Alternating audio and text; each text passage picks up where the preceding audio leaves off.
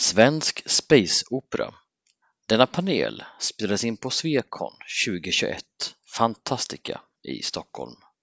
Medverkar gör Anna Jakobsson Lund, Camilla Linde, Eva Holmqvist, Oskar Källner och moderator är Carl Örn. Svekon-poddar, en poddradio från svenska science fiction och fantasykongresser.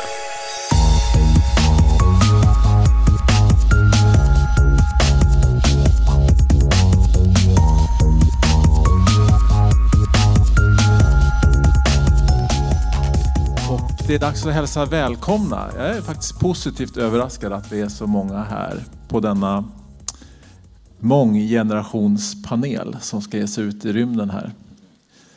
Så att under 45 eh, generationer här så kommer vi att leta efter en planet där vi kan finna svaren på vad svensk space opera är för någonting. Och eh, jag som är kapten här heter Karl Örn och eh, jag har till min hjälp fyra fantastiska piloter här. Som, jag tänker mig att vi, ni presenterar er lite grann. Namn, bakgrund, böcker. Varsågoda. Eh, mitt namn är Eva Holmqvist och jag är en svensk science fiction och fantasyförfattare. Och eh, jag har skrivit en hel del rymdopera och fortsätter att skriva det. Bland annat eh, min första trilogi, Diligentia-trilogin, är rymdopera. Och sen skriver jag också urban fantasy. Och jag skriver en hel del noveller som är rymdopera, bland annat Humanaco-serien. Camilla Linde heter jag. Skriver framförallt science fiction för barn. Titta, nu fick jag nog en lapp också, vad trevligt. Mm. Eh, skriver en serie för 69 ungefär eh, som heter Snack Parrows intergalaktiska rymdbyrå. Eh, lite mer humoristisk och fartfylld. och en lättläst science fiction-serie som heter Den längsta resan för snäppet äldre barn.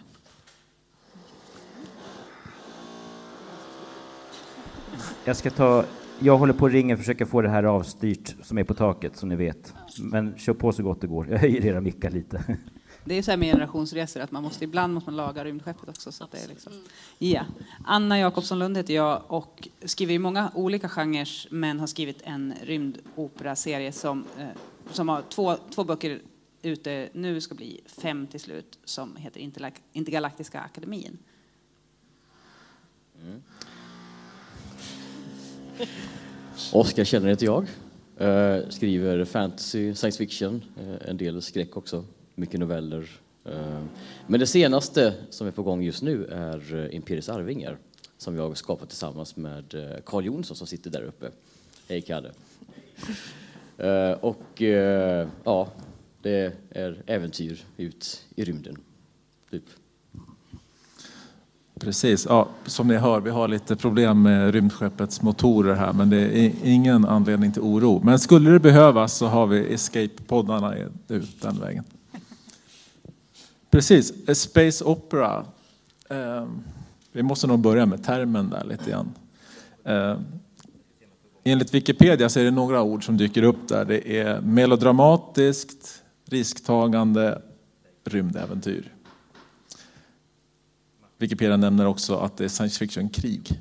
Det kanske... Jag tänker, den här panelen kommer ju inte, den är inte strikt vetenskaplig utan vi har ju fyra fantastiska författarskap här som vi utgår från deras erfarenheter och deras skrivande för att utforska vad som finns svensk eh, space opera just nu. Bara så att ingen blir besviken här eh, när vi inte går in på alla de akademiska detaljerna.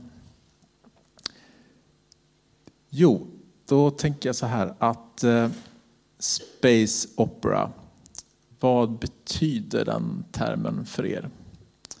Vad tänker ni på? Vad är det liksom kännetecknande? Och vad får ni ut av det? Jag börja med. Förutom det som du nämnde mm. så tänker jag också på alla de här fantastiska varelserna som man får möjlighet att titta på.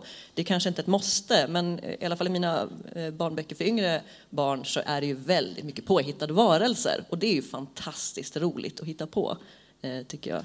Eh, Jag tar mycket hjälp av mina egna barn eh, och sådär. Men säg en bra varelse och de spinner ju loss liksom. Ja, men någonting med tio ögon och så ska de ha 20 armar och så ska de ha huggtänder och sådär. Och det är ju en fantastisk del av space opera tycker jag. Det är inte många andra genrer man får den möjligheten kanske. Ni andra har ju också aliens som ni triggar igång på. Jag tänker också att det är skillnaden på, på space opera och kanske hårdare science fiction är just Alltså man tänker på, på termen soap opera, att det liksom också är mycket relationer. Att, man, att det är det här med, liksom, som då Wikipedia uppenbarligen är ute och lite cyklar på, att det ska vara så mycket krig. Det tänker jag hör hemma i andra genrer. Så jag, jag kan också tycka att det är en, det är en rolig term. Framförallt när man är bland icke-författare. Så vad skriver du? Ja, men rymdopera. Ja, det låter ju jävligt coolt. Och sen så bara, ja, men det är en bok om rymden. Liksom, det är ingen opera någonstans. Liksom så. Du, du måste inte förklara att det inte är Aniara-operan nej. du pratar om. Det är, bara, det är bara Camilla som har det problemet som blir, blir jämförd med, med Aniara ibland. Eh, så. Nej, men jag tänker att det, det är just att få utforska liksom, människors i extrema situationer och också mötet med just olika arter. Det blir ju ett, ett sätt att prata om kanske sådana saker som ras och, och, och klass utan att för den skulle liksom lägga det någonstans där man måste. Lägger man det i ett, eh, i ett, ett jordperspektiv så blir det väldigt konstigt om man, man vänder på det och plötsligt liksom låter en annan annan ras vara i underläge till exempel. Då- Man, man måste liksom alltid, I jordsammanhang måste man alltid i sådana fall spela in i, på redan på fördomar som redan finns och, och cementera sånt som redan finns. Medan i, i rymden så är man ju fri. Ingen kan höra dig skrika i rymden att, att det finns orättvisor. Utan där måste man, kan man ju liksom prata om rasism mellan olika arter. Så man pratar om samma problem som vi har på jorden men man behöver inte cementera vilka det är som är i underläge. Utan då kan man ha en, ha en, en, en art som då är eh, får representera den som står i underläge helt enkelt. Och det tycker jag är jätteintressant att man kan jobba mycket med relation istället för att jobba kanske med, med de här episka slag och krigen. Det kan man ju göra också, det är också skojigt liksom. Men, men, det, men man kan göra det liksom, har man opera-tanken med så är det ju inte, då är inte kriget där bara för att det är grejen utan då ska det ju användas på något sätt. Oskar? Ja. Mm. Nej men precis, alltså, det kan vara kul med lite militär sci-fi också. Och det är också en del av uh, rymdoperagenren, men det behöver de- definitivt inte vara. Man, alltså, det, det, det fina med uh, rymdopera är ju det att den är uh, eh, Eh, anpassningsbar till vilken genre man som helst vill göra med det egentligen. Alltså du kan skriva värsta eh, politiska intrig och maktkamps-rymdoperan. Du kan skriva eh, som min senaste en heistbok i, i rymdoperaformat där man ska göra värsta kuppen för att frita sin kapten från en fängelseplanet. Du kan, som vi var inne på också innan, man, man, man har ju chansen att göra värsta creature featuren där man verkligen får utveckla olika arters biologiska, kulturella, historiska eh, mångfald och, och se sen hur de, hur de gnisslar och gnor mot varandra i, i kampen i, i galaxen. Och hela det här eh, Nej, hela det här det, det kan bli så oerhört dynamiskt när man får måla upp en galax fylld med civilisationer där, eh, där, man, nej, men, där man har relationer både mellan individer och mellan olika arter och hur de samspelar och inte samspelar. Och ibland har de tragedier som, eh, som kan utspela sig där. Som är, ja men, som vi var inne på här. Eh, när man skriver någonting som är här på jorden så måste man alltid förhålla sig. I rymden så kan du göra ditt eget. Och eh, sen kan man återvända till vår värld, eh, alienerad från vår värld och få ett nytt perspektiv på det som sker här. Eva, vad är det som tilltalar dig med Space Opera?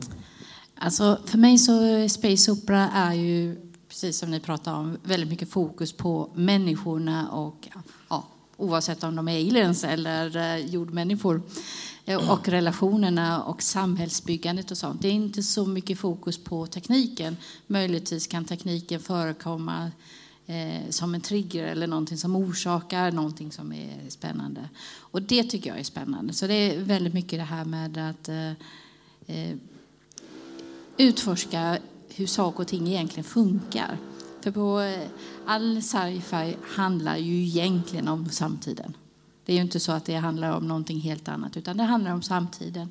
Och då får vi lyfta fram en spegel på hur det fungerar här, men vi gör det på ett sätt som Eh, gör att du ser det tydligt snarare än att du fastnar i dina egna förutfattade meningar. Och det tycker jag är spännande. Så eh, för mig så rymdopera handlar väldigt mycket om människor, eh, genus, hur de förhåller sig till varandra, värde, rättvisa, maktkamper, civilisationer och allt sånt där. Och det tycker jag är spännande. Så ni är lite luriga där alltså, om ni har något slags budskap eller tanke liksom, om, om vår värld, vår nutid, så förklär ni det i en fjärran galax, långt en annan tid och sen så... Det låter så planerat så? när du säger det så. Det är nog snarare så att eh, i alla fall jag har starka åsikter om hur saker och ting fungerar. Så när jag skriver rymdopera så sipprar det sig in. Men inte så att jag kommer och börjar och säger ja, ah, men nu vill jag skriva om den här orättvisan. Men de orättvisor jag ser sipprar sig in i mina berättelser och blir då en tydlig spegel. Jag tänker att det är science fictions allra största styrka också, alltså möjligheten att kommentera samtiden och liksom de problem som vi ser, men i en helt annan kontext. Att man kan liksom flytta det lite bort från att det är så nära en själv, utan man kan se det lite mer på avstånd. Eh, jag gillar att prata om nedskräpning till exempel och det kan man ju göra i rymden. Det är mycket rymdskrot som far omkring här och det är ju jättefarligt. Tänk om man får det här rymdskrotet i eh, liksom fönsterrutan, då är det inte så kul för rymdskeppet. Och då kan man liksom prata med barnen om nedskräpning, det är inte bara problem i rymden. Liksom. Så man har ju möjlighet att lyfta många olika frågor utan att det behöver vara så moralkakor. Jag är ganska emot moralkakor, men att man kan paketera det på ett helt annat sätt. Mm. Ja, precis, blir det uppenbart vilket budskap, om man nu har ett, så, som, så är det svårare att ta det till sig tror jag. Ja, alltså då blir det ju inte en berättelse och all litteratur handlar ju om att eh, förmedla en berättelse. Och blir det för mycket budskap så blir det någon slags politisk pamflett istället. Och då har man ju misslyckats som författare tycker jag. Jag tänker att i Space Opera så finns det verkligen utrymme för fantastiska berättelser också. Och jag tycker det finns utrymme också för gråzoner. Eh, det är också en grej jag verkligen älskar med rymdopera. Att du kan eh, framställa en viss art som, ja men det här är liksom the bad guys. Men sen när tiden går och böckerna går så börjar man nysta liksom i vad är det här för folk? Vad har de för bakgrund? Hur kommer det sig att de är som de är? Eh, och, vad finns det för fraktioner inuti den här arten? Därför att all, ganska ofta så har vi det här inom science fiction att, eh, ja men har då inom fantasy kanske ännu mer så, typ alla orcher är onda. typ. Men... Eh, Utom Thrall.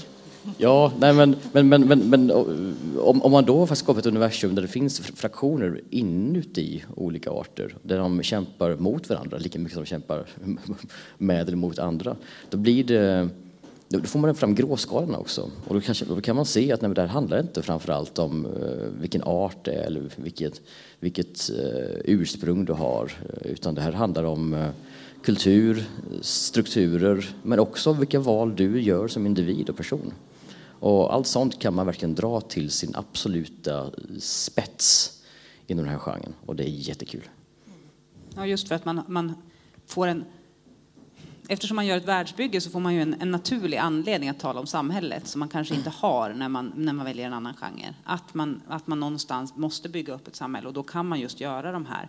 Eh, man har väldigt stora möjligheter att eh, Eh, att komma undan pamfletten. Jag tror att, alltså, som vi har varit inne på, så är all science fiction på något vis en, en kommentar på någonting. Alltså, all god science fiction är liksom, den är också äventyrlig eller, eller känslosam eller vad, man nu, vad det nu är, men den har när den är som allra bäst så har den det här underliggande. Och det tänker jag att, att man kan se att vissa, eh, vissa undergenrer kan bli ganska tunga på det, på det liksom politiska medan space operan, liksom, eftersom den är väldigt mänsklig, eller vad man ska säga, relationell, eh, så blir det att, att det här eh, samhället står mot individen på något vis. Och det, det, det lånar sig väldigt väl åt vissa typer av, av frågor. Eh, så. Och, sen så är ju rymdopera swashbuckling, eh, jäkla sköna äventyr. Mm. Alltså, det, det, det, är väl det som är liksom orsaken till varför jag blev kär i genren till en början med.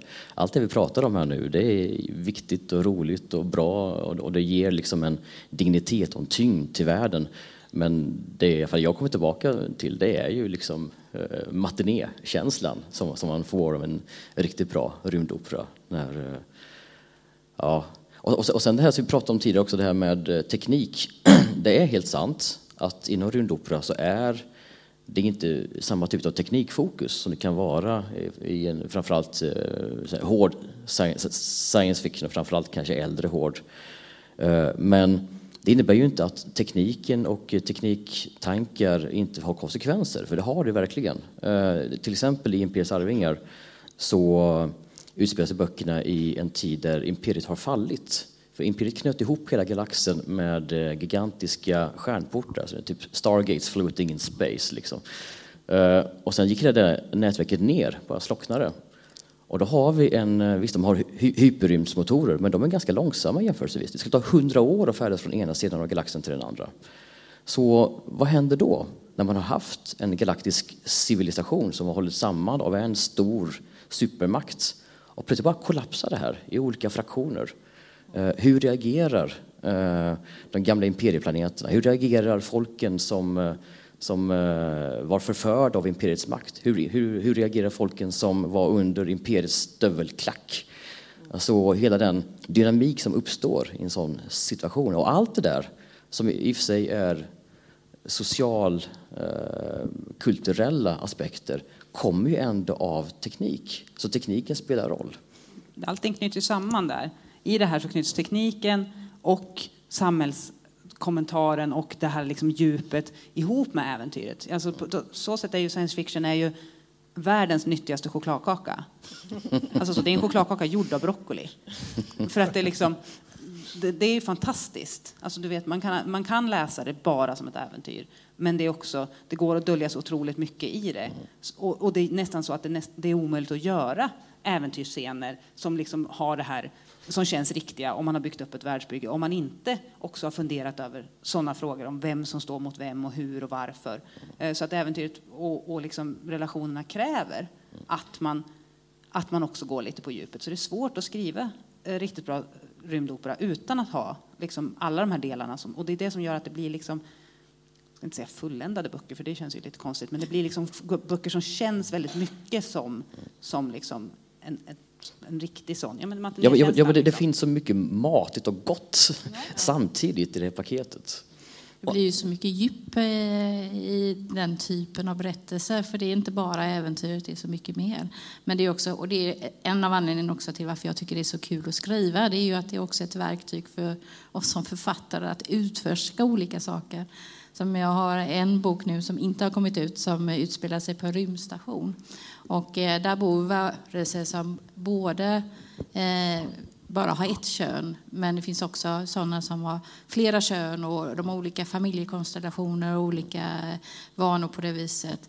Och i den boken när jag skrev den så en del av det handlade också om att utforska, okej, okay, men vad får det för följder? Hur många barn du får, om du har flera kön och så vidare. Och likadant med den här kollapsen som du pratade om, Oskar, att Eh, som författare får man ju då utforska men vad händer egentligen i en sån här situation när hela det galaktiska imperiet eh, kollapsar. Sen kan ju tekniska konsekvenser också vara att man har en hyperfart som har biverkningen att man ibland börjar prata baklänges. Det är också en teknisk konsekvens, tänker jag, som kan vara lite jobbig och lite rolig i Och så man, aldrig får, man får aldrig tillgång till den om man skriver feelgood? Nej, det är ganska sällan. Ja. Precis, ni har nämnt flera säga, bestånd, typiska beståndsdelar i Space Opera. Vi har rymdskeppen, alltså rymdfärder, eh, aliens, främmande planeter och eh, vad var det fjärde jag tänkte på? Imperier. Imperiet, ja. Vilka av de här är det ni triggar extra på? Vilka är det liksom bara roligt att skriva om? Liksom? Alltså det är ju roligt att skriva om aliens just därför att eh, du måste tänka igenom hur de där egentligen fungerar och hur deras samhälle fungerar. Men jag tycker också det är väldigt roligt att skriva om makt, alltså konceptet makt. Vem har makt och varför och eh, vad får det för konsekvenser för de som har mindre makt? Och det är också någonting i rymdopera som jag känner är en ganska bärande faktor. Jag tycker att det är kul med planeter också. Alltså att man kan få möjligheten att hitta på ett helt nytt solsystem. Eh, och mina solsystem är kanske lite annorlunda då eftersom det finns spökplaneter där det bara är spöken som bor och det finns isplaneter där det är liksom helt fruset och där kanske jultomten bor. Och sådär. Men, men det är också en helt ny möjlighet. Vad, vad finns det för naturlagar som gäller på den här planeten? Sånt är väldigt kul att utforska. Och jag kan tycka att en, en sak som är ganska svårt, är, jag tycker det är väldigt intressant med olika arter, eh, men, men där kan jag tycka att, att en utmaning kan vara just att, att hitta det där där man liksom hittar en, en art som inte funkar speciellt mänskligt och som ändå går att, att liksom känna att man är intresserad av. Jag, är nog, jag, jag kommer nog lite för mycket från ett håll där, där liksom, mm, även om de, de är lite olika och har lite olika förutsättningar och har olika kulturer så är det ändå uppbyggt lite på samma sätt som det mänskliga. Och det kan jag känna att det är en utmaning som man, ja, men den skulle man vilja ta sig an och fundera på liksom hur, eh, hur det inte blir liksom speglingar av, av varianter på våra mänskliga samhällen. Men man måste alltid man, alltså när man skriver space opera så liksom växer någonstans fantasin lite gradvis. Så att man liksom börjar ta avstamp från någonting och sen så kan man, jag vet inte, man, man expanderar sig själv också lite och börjar fundera på, ja men om man inte tänker alls som att man bygger samhällen, liksom så, eller om man inte alls tänker att, att individen är en individ. Eh, och man stöter på sånt som när man säger, ja, det här var ett roligt koncept. Och så kan man liksom få få tänka på det. Men det kan jag tycka är en utmaning, att det gärna blir väldigt mänskligt även när det är väldigt omänskligt. Men jag gillar som du har gjort med, nu minns jag inte vad den arten heter som pi är. Arianerna. Arianerna, precis. De visar sina känslor i ögonen. Det tycker jag är ett väldigt spännande koncept. Vad gör det med en människa? Där du kan alltid se vad, vad personen tänker och känner. Det måste vara extremt utlämnande. Liksom. Det tycker jag är en så himla fin detalj. Och hur den här karaktären liksom hanterar det.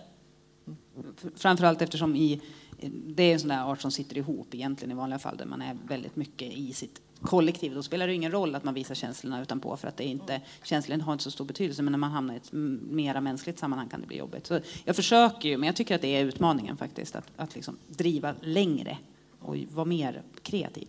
Jag tycker det, är, alltså det du nämnde här om att det är kul att skapa planeter. Alltså just världsskapande lämpar sig ju rymdopera till eh, något helt suveränt. Eh, just i, i Imperiets arvingar, eh, fått ut femte boken nu, det ska bli tio böcker totalt. Eh, där har jag ju det stora privilegiet att för varje bok, nästan, få skapa en ny värld, eller en ny, ny, ny planet, ett nytt sammanhang som de kommer till. För i, i slutet på varje bok så hoppar de till hyperrymden. och i början på varje bok så anländer de till ett nytt, nytt ställe. Så en bok kan handla om när de är på en, en rymdstation full med eh, tusentals aliens, olika arter av folk och kulturer och, och alla de intrigerna som sker där. Sen så kanske de kommer till eh, en gravplanet med ur, uråldriga katakomber och eh, old ones nere i eh, djupet. Eh, och så kan de komma till en imperieplanet med skyskrapor och en världsstad och sen så fängelseplanet. Alltså man, man, kan verkligen göra nya grejer för varje, varje bok. På så sätt så kan, har man liksom full kreativ frihet. För, för, det finns inga begränsningar för de planeter, de världar du kan hitta på. Eh, och ändå kan man få alltihopa att hänga ihop i ett enda sammanhang. Det är liksom som, eh, som en himla godispåse. man kan plocka lös godis och ta olika smaker för varje gång. Så världsbygge låter som en, en viktig grej här i Space Opera, men hur gör man? Då? Vilken ände börjar ni när ni bygger en värld? En detalj i taget. Eh, just det där när du, du kan inte sitta och hitta på allting i förväg. I alla fall jag kan inte göra det. Utan eh, eh, de övergripande dragen för att jag ska ha koll på situationen som karaktären befinner sig i när berättelsen börjar har jag klart för mig. Men sen så handlar det väldigt mycket om att tänka en detalj i taget. Eh, men också att eh, läsa mycket eh, olika typer av faktalitteratur och annat för att få idéer kring hur saker och ting fungerar och hur det eh, eh, liksom håller ihop. Jag läser just nu en bok som handlar om världsbyggande som är skriven av två antropologer. Och de pratar liksom om sådana här saker som ja, men hur fungerar evolution, hur fungerar genetik och allt sånt där. Och du behöver ha med dig de kunskapsbitarna. Men du behöver ha dem i ryggmärgen så att de kommer fram i vad du hittar på en detalj i taget.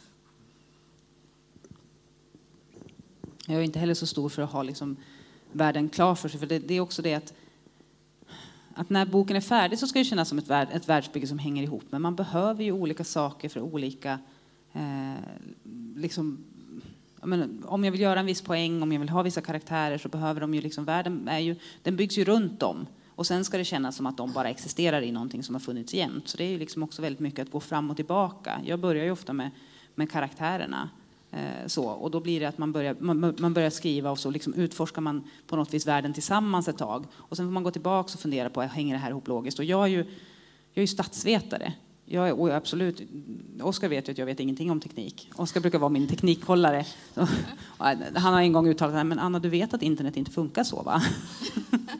Vilket jag inte visste, uppenbarligen. Eh, så att, så att det är liksom, den, där, det står om, där det står om internet i min bok, den, den paragrafen har Oskar faktiskt skrivit. Eh, så det, det, jag vågade inte ändra den ens i korrigeringar för att det här kan bli väldigt fel nu och det vore, vore inte bra. Så att jag är också väldigt sådär att det kanske inte hänger ihop logiskt. Så, och, och det är svårt för vi vet ju liksom ingenting om Alltså, där blir det lite så här, till exempel, hur fungerar evolutionen? Jag, här fungerar evolutionen så att de flesta, de flesta liksom varelser får, liksom, ja men drakar existerar inte för att de be, skulle behöva liksom sex par liksom, ben och så vidare, så på något vis. Och, och, det vet man ju inte alls hur det funkar någon annanstans. Och jag brukar försöka, så här, åh, försöka lämna det lite och då får det bli som det blir. Men däremot hur samhällen fungerar, det blir, det, det blir min ryggmärg mycket. Hur, hur liksom, och makt och de här bitarna som jag tycker är intressant. Och då, då byggs ju liksom så här, men vad behöver man då för slags teknik för att det här samhället skulle kunna bli på det här viset? Och då bygger man från andra änden. Och det är också kul, för det gör ju att när man pratar med författarkollegor så har vi alltid en vi har alltid olika take på hur vi jobbar med världsbyggen, för man tar med sig sitt eget in och det är jättekul. Jag, jag tror jag jobbar lite annorlunda ner då, för jag planerar ganska mycket i förväg. Jag har, eh, jag tycker det är väldigt kul med världsbygge Eh, och jag snor ofta de roligaste grejerna jag hittar från annat håll och knopar ihop det på mitt eget sätt. Nej men till exempel, eh, jag bestämde mig tidigt för att eh, Nej, men till exempel, jag nämnde tidigare att, att imperiet är fallet, stjärnportarna funkar inte och bestämde att hyperhusdriften är långsam. Just, just för att få de här kolossala avstånden och en känsla av hur gigantisk vår galax är. För en del rymdoperor man läser, de hoppar omkring i galaxen lite hur som helst. Va? Alltså det är 200 miljarder stjärnor där ute. Avstånden är helt enorma. Och att ändå få, få in den känslan, atmosfären, tyckte jag var, kändes spännande. Eh, men till exempel, jag ville ha ett fäktande universum där man slåss med svärd. Hur gör man det? Jo, man, man använder sköldar såklart, som i Dune eller i eh, Deathstalker. Uh, så att man inte kan använda uh, skjutvapen, för de studsar bara. Utan man får använda svärd istället. The slow blade penetrates the shield, you know. Um, efterkonstruktion eller? Vad sa du? Är det en efterkonstruktion? Efter, skölden, efterkonstruktion. Efter man, man vill ha en svärdsfight. Ja, nej, nej, nej, jag vill ha en svärdsfight. Och, och, och, och, nej, det är snarare precis tvärtom då. Det är en förkonstruktion. Jag, så att jag vill ha ett svärdsfightande universum. Det är kul. Därför bestämma att här finns det personliga sköldar.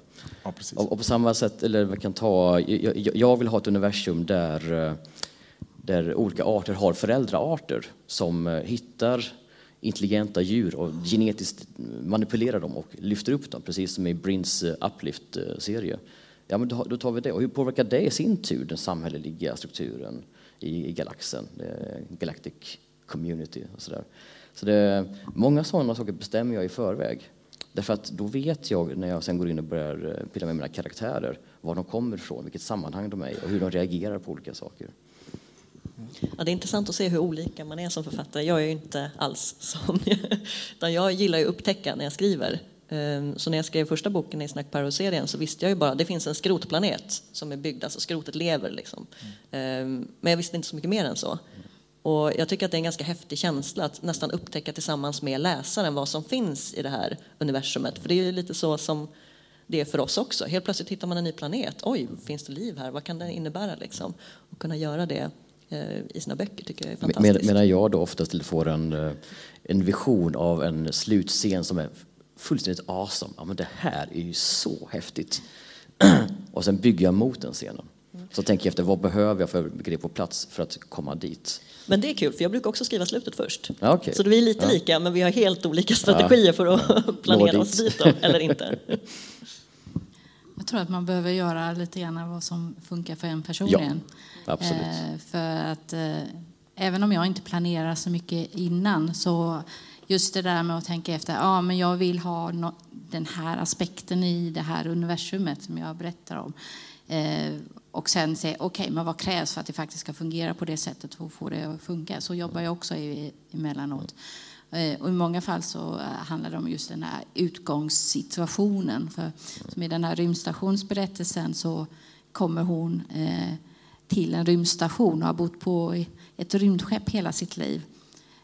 Och de flyttar. Och för att jag skulle veta men var befinner hon sig så måste jag ju veta lite grann om okay, men vad är det för samhälle Eh, där en del faktiskt bor på rymdskepp och det är en typ av kultur där du alltid bor på rymdskepp.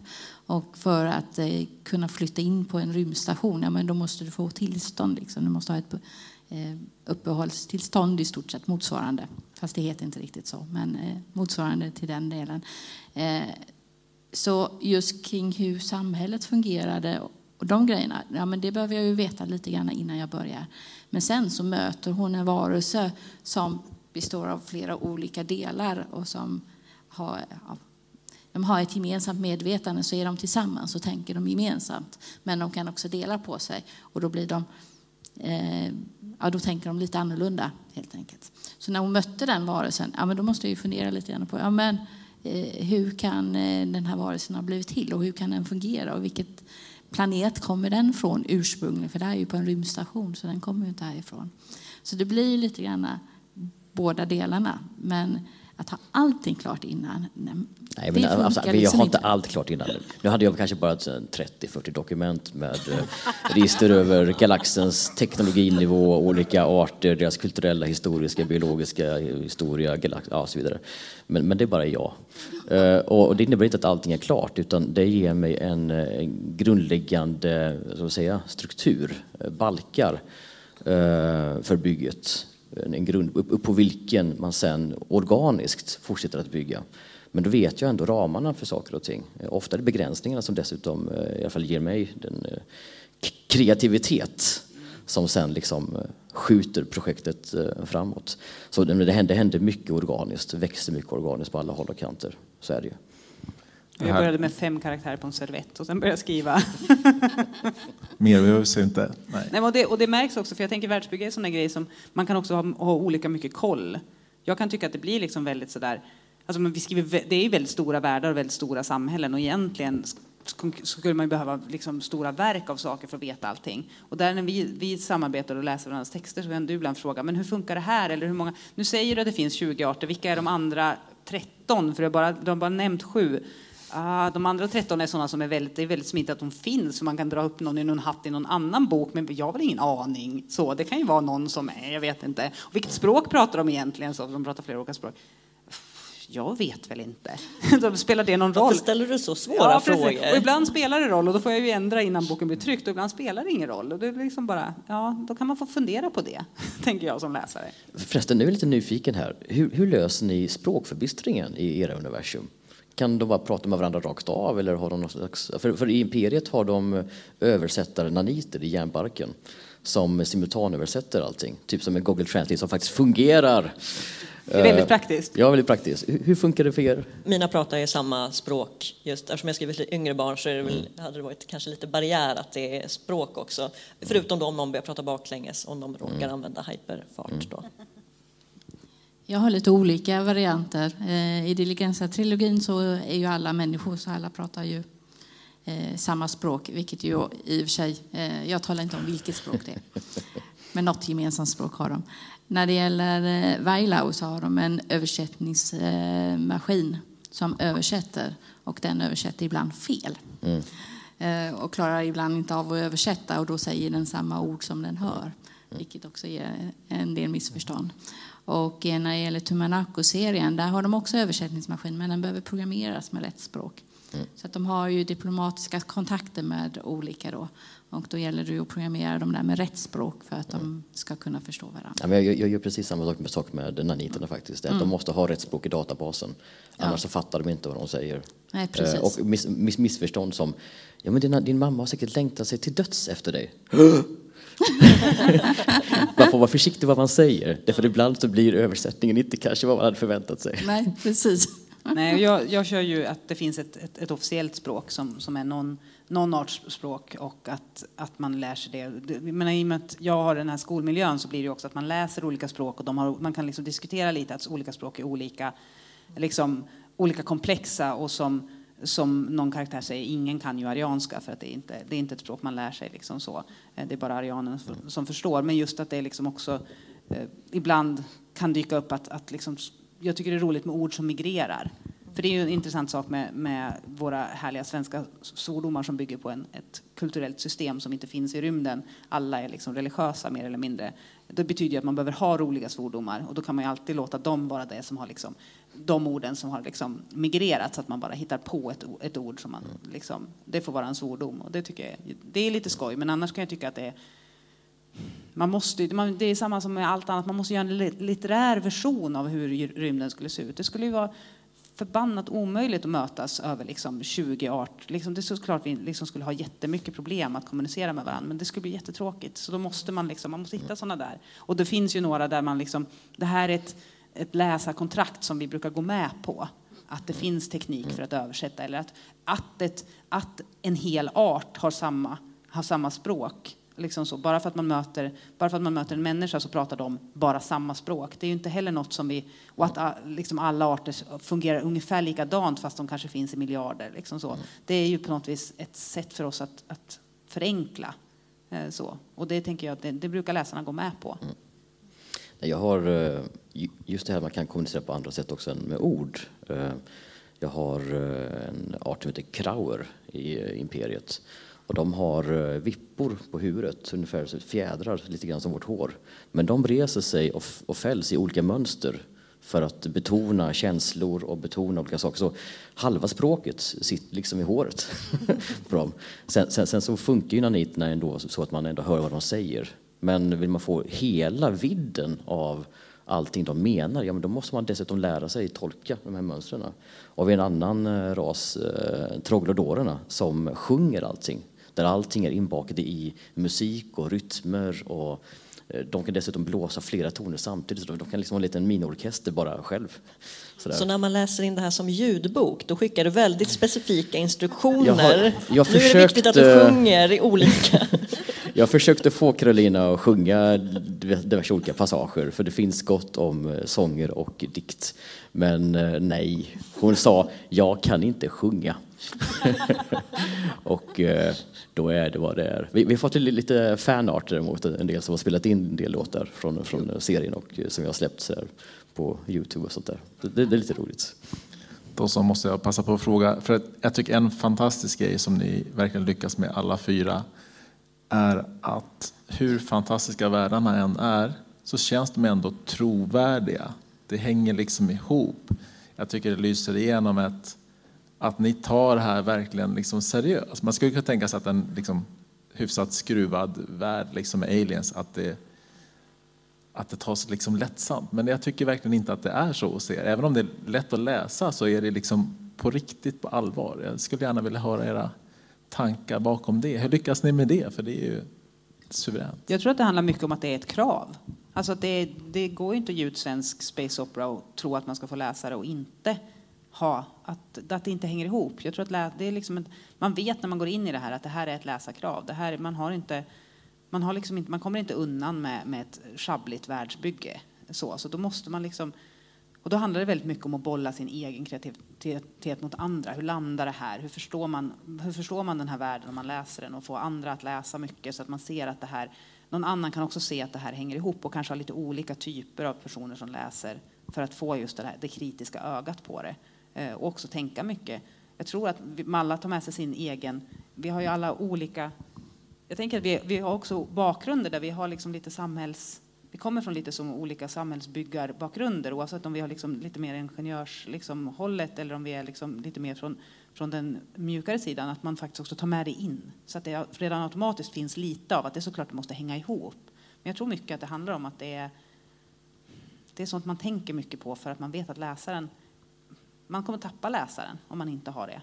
Alltså, jag vill ju att mitt universum ska vara lika verkligt när man är i det som vår värld. Kanske mer verklig till och med. Eh, annars är det ju inte kul. Jag, jag, jag måste ju verkligen ge den digniteten åt detta universum. För annars så, ja, men annars så blir ju inte läsaren uppslukad. Jag blir inte uppslukad och jag vill själv bli uppslukad av, av, av den här skapelsen. Så eh, nej, det, det, det måste vara på riktigt. Det, det, visst, det är en lek det här. Men det innebär inte att den är banal. Utan tvärtom, det här är lek på allvar. Och så är det kul.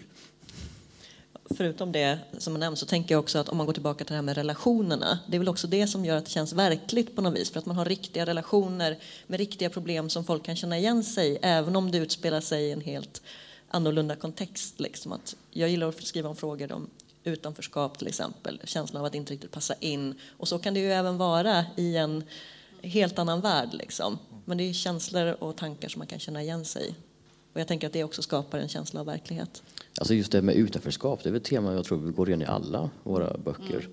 Och det är också ett tema som just rymdopera faktiskt lämpar sig sällsynt väl för. Mm. Därför att finns det någonstans man verkligen kan sätta in någon som en rejäl utan, alltså outsider, underdog, så är det ju där. Det kan du mm inte bara vara en outsider liksom i, svenska samhället eller på jorden, du kan vara en galaktisk outsider. Då är det banne med illa värre. Jag tror också en eh, aspekt som är viktig för att faktiskt få den där känslan av att det här är verkligt, det är att det inte är så svart och vitt alltihop. Alltså, det finns inte en planet som är likadan överallt, utan möjligtvis i barnböcker. Men annars så en planet är olika på olika ställen. Eh, en eh, planet har inte bara en typ av liv ombord på sig. Finns det liv så finns det olika former av liv. Och det är där den här evolutionsprocessen kommer in. Liksom för att det är kopplat på, på samma planet så är livet kopplat till varandra på, genom samma evolutionära process. Eh, en ras har inte samma syn på världen. Du har inte en kultur på en ras, liksom, utan det finns massor med olika kulturella uttryckningar, olika typer av grupperingar. Och du behöver fånga den här gråskalan för att få den här verkliga känslan. För annars så känns det som någon slags, ja, att du har ritat med plastfärg i skarpa färger. Ingenting hänger ihop och världen ser inte ut så. Så det tror jag är en väldigt viktig aspekt om du vill eh, skriva rymdopera som känns verklig det är att du får med den här komplexiteten som finns i vårt verkliga liv.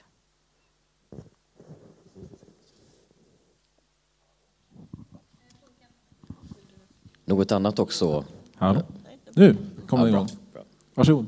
Ja, nej, jag tänkte bara säga också att eh, en annan grej som eh, jag, jag, tycker om att se i rymdopera är gråskalorna är viktiga, som du är inne på, men också det här med människors övertygelser.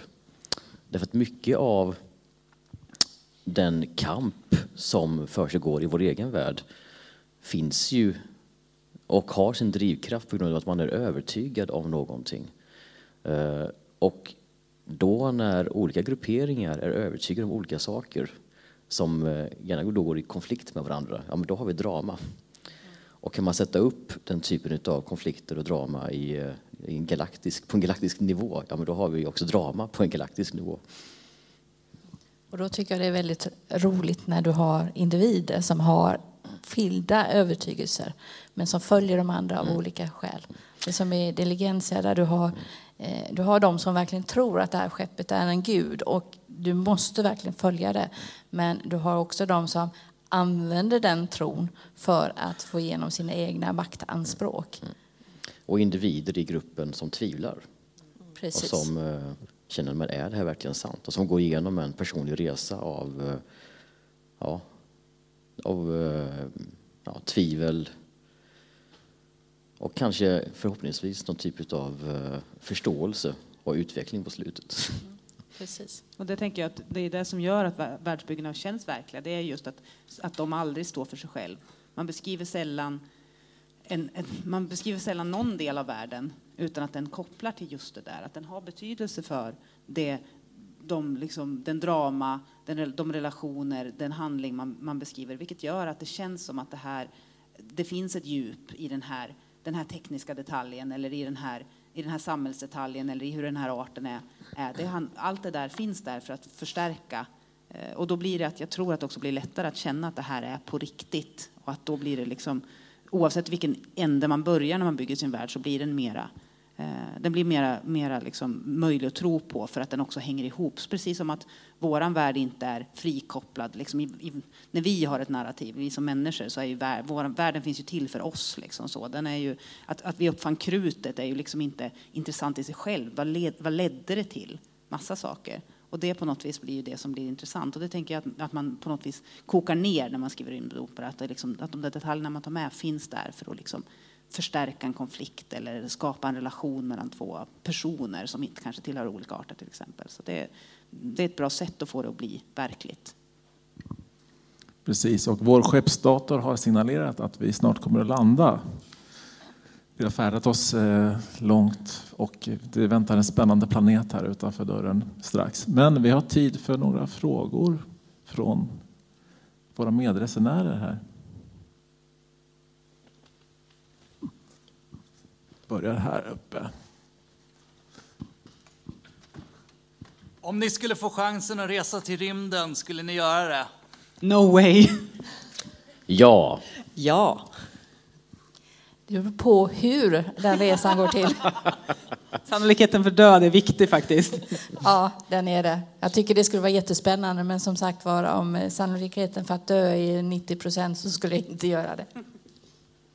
Det är säkrare att stanna hemma och läsa böcker om rymden istället kanske. Eller skriva dem.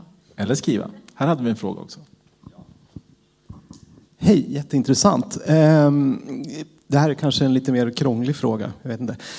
Eh, Fraktioner av mänskligheten är jag lite inne på. Eh, när man pratar om rymdopera så är det så himla stora avstånd och det är så mycket tid.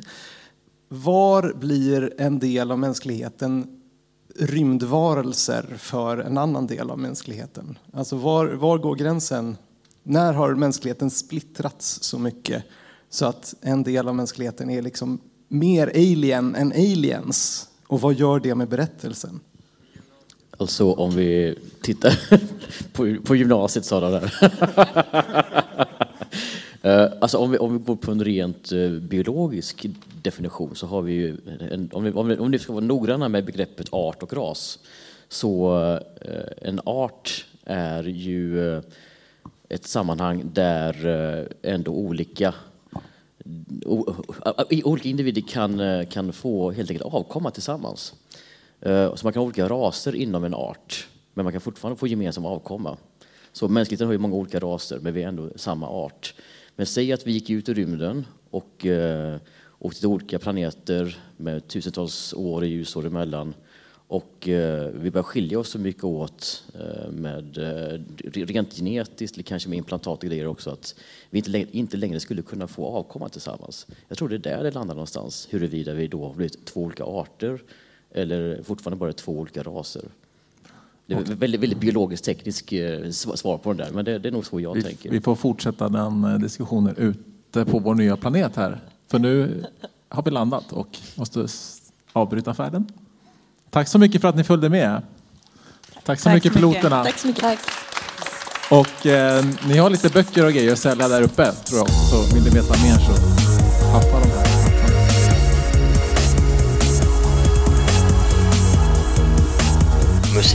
Av Psychedelic Pedestrian från Free Music Archive.